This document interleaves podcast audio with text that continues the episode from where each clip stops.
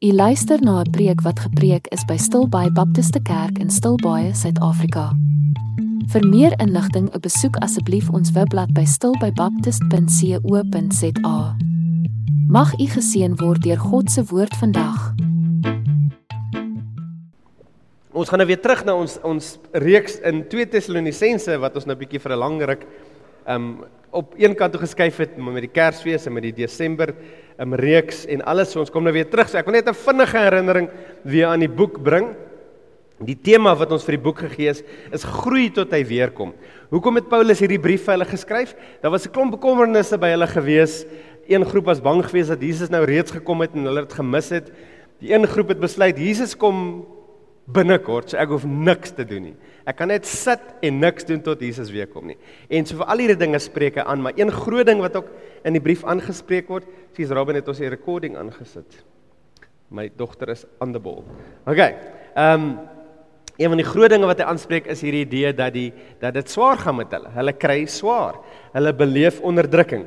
So ons gaan vinnig gou weer deur daai eerste 10 verse gaan. Ehm um, en dan gaan ons weer daarna kyk. Wil hy nie laai nie? Did you close and open it again?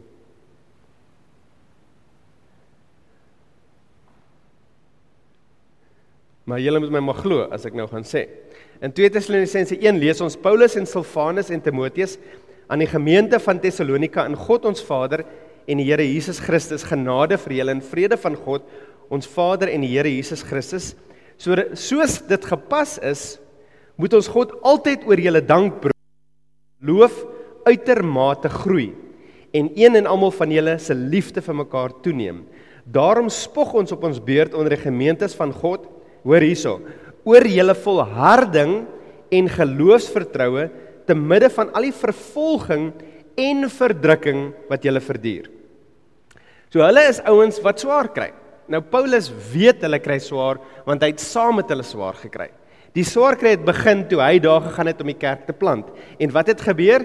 Die Jode wat nie in Jesus geglo het nie, het jaloers geraak en boos geraak en hulle het die slegste sleg die van die dorp bymekaar gekry om hulle aan te val. Hulle hulle doel was om Paulus dood te maak. So soveel so dat Paulus sy mense gesê het ons moet jou uit hierdie uit hierdie dorp uitkry, jy moet vlug, jou lewe is in gevaar. En Paulus gaan uit, maar die res van die mense bly nog daar. En so dit gaan swaar. So dis verdrukking van die Jode, dis verdrukking van die Romeine en die, en Grieke in die dorp. Dis verdrukking van almal af. Ek wonder altyd hoe Paulus moes gevoel het. Sy eie mense, sy eie Joodse mense. Die ouens wat teen hom draai en hom probeer doodmaak en sy lewe so moeilik maak. Maar dan skryf Paulus en hy sê hierdie moeilikheid wat jy beleef, hierdie swaar kry. Um is ons nog nie daar nie, wil hy nog steeds nie. Julle gaan my heeltemal met glo vandag alles wat ek sê. Of jou eie Bybel oophou, dis nog makliker. Vers 5 sê dis 'n bewys van die regverdige oordeel van God dat jy waardig geag word vir die koninkryk van God ter wille waarvan jy ook ly. Hy sê onthou die feit dat jy kan swaar kry en jy geloof groei nog steeds is 'n teken dat God julle sy kinders gemaak het.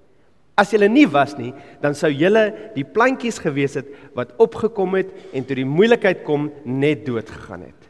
Hy sê julle is nie. Julle is daai plantjies wat groei, wat die saad wat gesaai is, wat besig is om vrug te dra.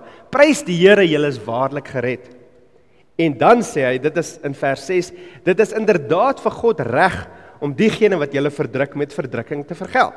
So nou sê dis nie net dat dit vir julle 'n teken is dat die Here julle gered het nie. Daar's iets wat meer gaan gebeur die dag wat hy terugkom. Wanneer Jesus terugkom, gaan hy hulle vergeld en verligting gee aan julle. So daar's twee dinge wat gaan gebeur die dag wat Jesus kom.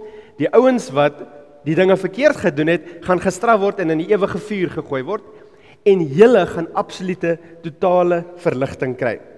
Um daardie twee dinge. Nou ek wil nou iemand vra. Um ek gaan vra Zoe sy is die naaste. Zoe, kan jy vir my hier kom staan? En ek gaan nou maak asof ek alles oor Zoe se toekoms weet en haar hede en alles. Ek so nou sê ek en nou Zoe, um ek die wat die boodskap wat ek vir jou vandag het is dit gaan verskriklik sleg met jou gaan. Jy gaan al jou vakke dryp op skool. Al jou vriende gaan jou los. Um jy gaan nie kos hê om te eet nie. Um jou ma en jou pa gaan jou begin haat en jou uit die huis uit gooi en jy moet buite by die hond slaap en ehm um, jy gaan siek word en dit gaan erg wees en die mense van die dorp gaan alles doen in hulle vermoë dat jy geen werk kry en niks mag koop nie. Maar moenie bekommerd nie want oor 1000 jaar gaan Jesus terugkom en dit gaan goed gaan. Is dit genoeg?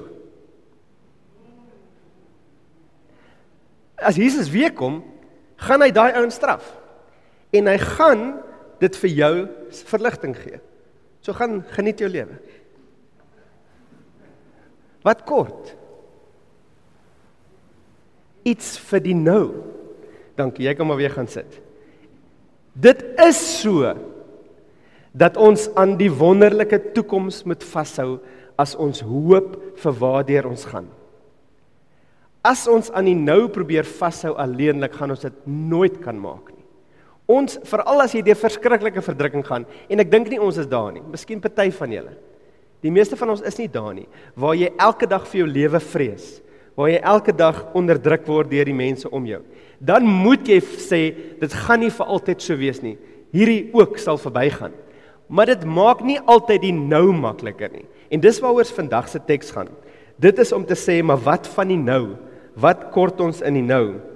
En wat ons kort is gebed dat God kan intree. So die tema vir vandag daarso is bid vir die vir die wat verdrukking beleef.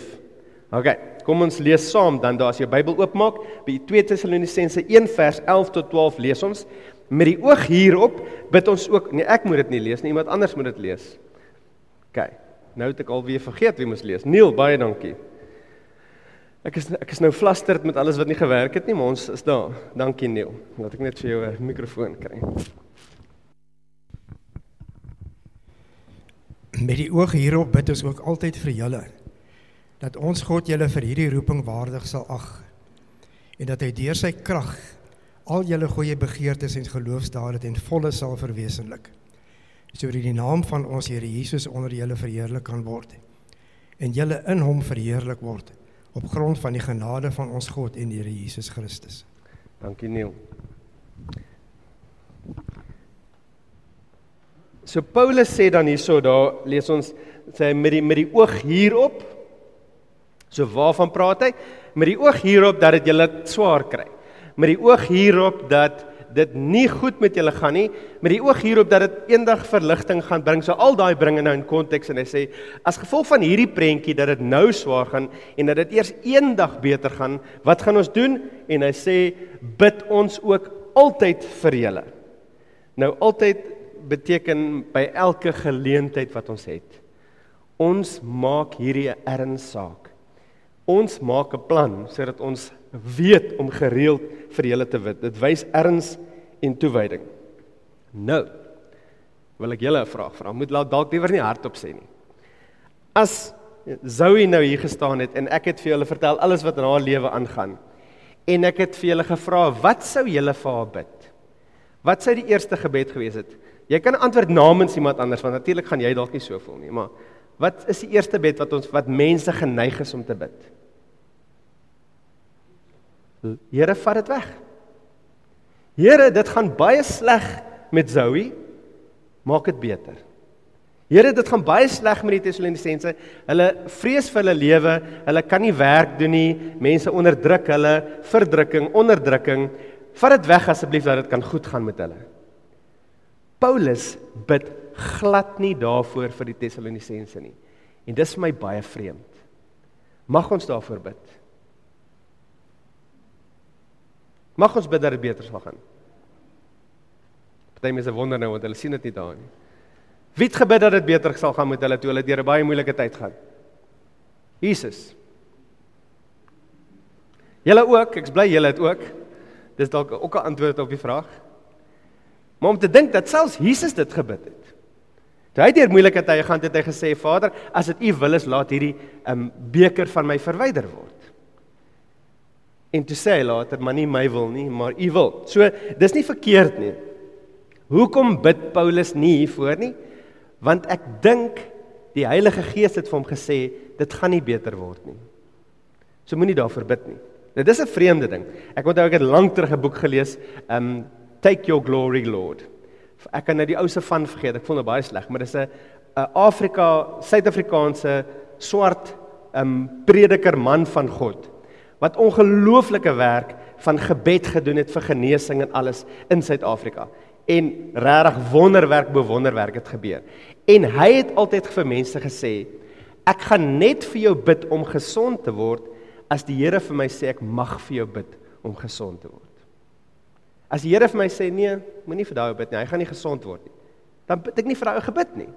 Um, en en dis dis 'n dis 'n ding wat bietjie moeilik is. Maar ons kry dit oral in die Bybel.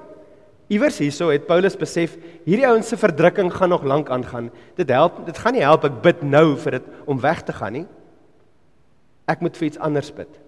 Paulus self toe hy geroep was, het die Here boodskap na hom toe gestuur en te sê: "Gaan sê vir hom hoeveel hy vir my gaan lei." Hy kon dit nie wegbid nie. Die Here het vir hom gesê dis wat jou lewe gaan wees. So um ons mag bid Here vat weg. Maar ons gaan vandag sien dis nie die belangrikste gebed om te bid nie. Ehm um, wat is die lang, belangrikste gebed? Ehm um, die belangrike gebed gaan ons nou sien. Maar hoekom? Dalk moet ons eers vra, hoekom bid ons altyd eers dit? Hoekom bid ons altyd Here vat dit weg? Nou eerstens omdat ons nog steeds menslik is. Ons wil nog steeds goed voel. Wat nie 'n slegte ding is nie, want dit is wat dit eendag gaan wees. Hierdie gevoelens in my dat dit moet goed gaan, gaan eendag vervul word as Jesus weer terugkom. So is nie 'n slegte gevoel nie. Die ander rede en ek het nou al iets daaroor genoem, die ander rede is omdat die die welvaartsteologie, die die prosperity gospel het so in die kerk ingesyfer dat baie mense glo maar dis God se wil vir my. God se wil vir my is dat dit altyd moet goed gaan.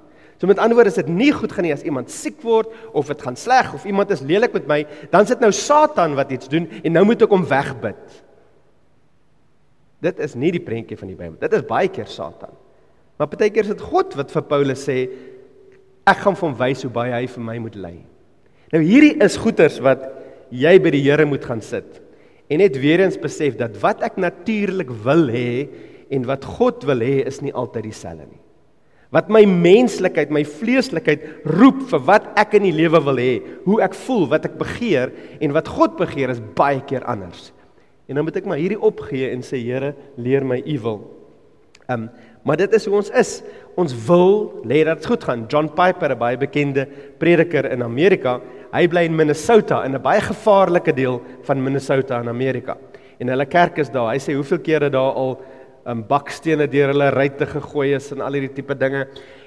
En um wat met hom toe gebeur is, hy sê dan doen hulle werkaansoeke vir nuwe pastore en dan kom die ouens nou dan sê hy soveel keer is hulle eerste vraag is dit veilig hierso. En hy sê hoekom is dit jou eerste vraag? Kan dit nie jou 15de vraag wees of jou 19de vraag wees? Moet jou eerste vraag nie dalk wees kan die Here my hier gebruik nie? My eerste vraag nie dalk wees wat wat wil julle hê moet ek doen vir die mense wat so swaar kry hier nie. Maar ons val altyd terug na gaan dit veilig wees vir my. En dis dis ons moet groter kyk, ons moet verder kyk. So kom ons kyk wat bid hy dan vir hulle. Hy bid en hy sê dat ons God vir julle julle vir hierdie roeping waardig sal ag. Julle het 'n roeping van swaar kry. Julle het 'n roeping om 'n kind van God te wees ten spyte van die swaar kry en ons bid dat die Here julle vir hierdie roeping waardig sal ag. Nou wat klink dit om waardig te ag? Dit klink amper onmoontlik. Dit klink amper asof hy sê, "Ehm um, Here, laat ons goed genoeg wees om hier deur te kom." Maar nee, dis nie wat hy bid nie. Bid dat God julle waardig sal ag. Dis iets wat van God af moet kom om 'n werk in julle te doen dat julle waardig deur hierdie pad kan stap tot die einde en die swaar kry. So waarvoor bid hy? Hy bid dat in hierdie moeilike pad wat vervolging insluit dat julle julle roeping vervul. Dat julle die pad sal stap. So hier is 'n baie goeie gebed om vir jouself te bid of vir ander mense te bid wat in verdrukking is. Want vandag is 'n baie goeie hulpmiddel oor wat bid ek vir die ouens wat swaar kry. Wat bid ek vir die ouens in Israel en Palestina? Wat bid ek vir die ouens in Oekraïne? Daar's eintlik maar net twee dinge wat jy jy moet eers vir jou vra, is hulle gered of nie? As hulle nie gered is nie, dan is jou gebed, red hulle, Here. Wat is my gebed vir almal in Israel wat nie Jesus ken nie? Red hulle, Here. Wat is my gebed vir almal in Palestina wat nie Jesus ken nie? Red hulle, Here. Wat is my gebed in Oekraïne en Jemen en nou sit al Iran en en Rusland? Vir as hulle nie gered is nie, is jou eerste gebed red hulle. As hulle gered is, dan begin ons hierdie dinge vir die mense bid. Die eerste een is: Here, as dit U wil is, vat dit weg. Maar Here, as dit U roeping op hulle lewe is om hierdie moeilike pad te stap, ag hulle waardig. En dit is my ongelooflik dat Mattie se getuienis daai presiese woorde ingesit het. Dat hierdie persoon het nou 'n roeping op sy lewe wat hierdeur gekom het om daardeur te kan gaan en die pad waardig te stap. Nou wat is die volgende ding wat hy bid? En dat hy deur sy krag al julle goeie begeertes en geloofsdade ten volle sal verweeslik. So ons bid, hy bid dat daar krag sal werk in hulle om wat te doen om hulle goeie begeertes te vervul. Nou dis nogal baie belangrik dat daai woord goeie daar is want dit swaar kry en dat mens baie keer begeertes wat nie so goed is nie. So hierdie is iemand wat in die midde van swaar kry nog steeds wat wat besef wat God wil hê ek moet begeer, daai goeie begeertes en ook wat ehm um, die geloofsdade, met ander woorde hier daardie dinge wat ek doen terwyl ek op Jesus vertrou. Hy sê laat dit ten volle sal verwesenlik. Ek hou hierson, ek hou hiervan. Want in ons pad met die Here, dink ek almal besef na ruk, die Here het 'n doel vir my lewe. Ek is nie maar net hier nie. As ek nie 'n doel gehad het nie, dan sou ek nou al dood gewees het. Stem julle saam? Die enigste rede dat jy nog op die aarde is, is omdat jou roeping van die Here nog nie klaar is nie. En nou nou besef jy, ah, die Here het 'n roeping vir my lewe.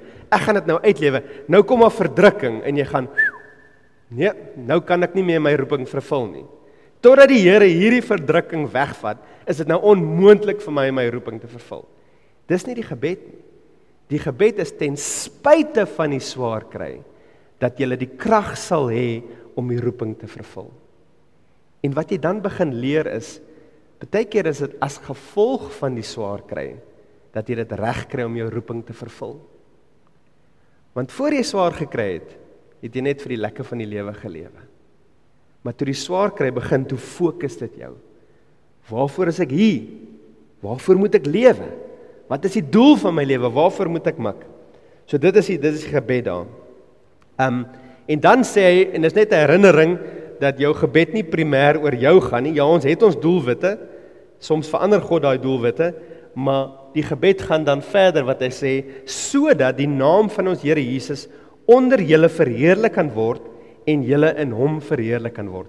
Wat is die groot doel van al hierdie dinge? Wat is die groot doel daarvan dat hy julle gered het en dat julle deur verdrukking gaan en dat hy julle waardig gaan ag en dat hy julle krag gaan gee om aan te hou kan stap en die roeping te vervul? Die groot doel daarvan nie is dat jy aan die einde kan kom en sê, "O, oh, kyk nou net vir my." Jene, kan jy dink ek het dit alles gemaak? Kyk net hoe fantasties is ek. Die groot doel van al daai dinge is sodat almal die Here kan verheerlik. Jy ander mense dat jy aan die einde kom en jy sê Here slegs deur u genade. Slegs deur u goedheid. En ek hou daarvan hoe dit sê dat hy sê dat Jesus in of onder julle verheerlik kan word en julle in Jesus verheerlik kan word. En dis net 'n prentjie van daai daai nabyheid van ons pad bring ons al hoe nader aan die Here. Ongelukkig het ons baie keer verdrukking nodig want anders gaan ons wegstap. Alles wat met ons gebeur, alles wat die Here toelaat om met ons gebeur, alles wat die Here stuur om met ons te gebeur, bring ons nader en nader na hom dat ons in hom verheerlik kan word en hy in ons verheerlik kan word. Ehm um, so ehm um, dan eindig hy hiermee om ons net te weet te herinner op grond van die genade van God en ons Here Jesus Christus. Ons bid nie vir Here wag ag my waardig omdat ek dit verdien nie.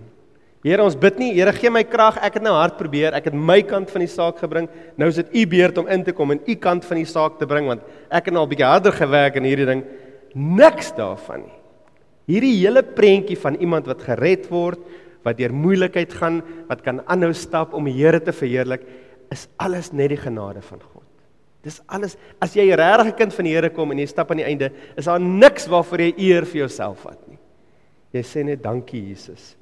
Dankie Jesus. Nou ehm um, hierdie soos ek gesê het is iets wat jy vir jouself kan bid as jy onder verdrukking is.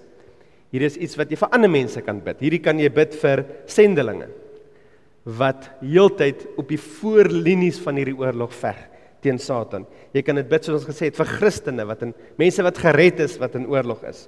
Um of vir Christene wat vervolging beleef. Christene wat nie mag openlik um Christen wees. Ons tiener Bybelstudie bid altyd vir Noord-Korea.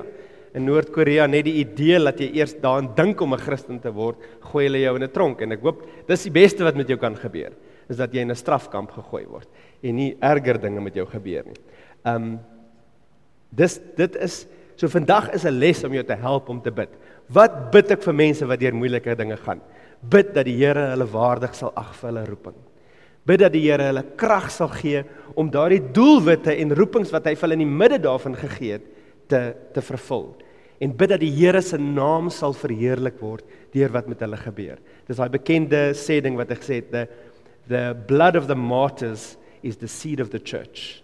Hoe meer mense swaar kry, hoe sterker en hoe groei die kerk. En dan bid ons dankie vir die Here se genade in die midde van dit. Nou wat ek nou gaan doen, ek wil net kyk wat is ons tyd. Ons het 'n minuut. Laat ons bid vir hierdie dinge. En ek gaan vir jou 'n minuut of 2 gee om by jouself stil te bid. Bid vir mense wat die Here nou op jou hart sit wat swaar kry, watter land, watter sendelinge, watter mense. Bid vir hulle nou en dan gaan ek vir ons afsluit in gebed. Here baie dankie vir u woord wat ons leer hoe om te bid. Wat ook vir ons leer waar ons primêre fokus in gebed moet wees. Here, ons wil bid dat U enige onnodige probleme sal wegvat. Enige iets wat daar is wat nie daar hoef te wees nie, enige seer, enige verdrukking, Here, dat U met 'n wonderbaarlike manier dit sal wegvat op 'n manier wat U naam verheerlik sal word. Maar Here, ek wil ook bid dat U uit ons enige idee sal wegvat wat die welvaartsteologie daar ingedruk het wat sê dat dit altyd die Christelike lewe is altyd maklik en lekker.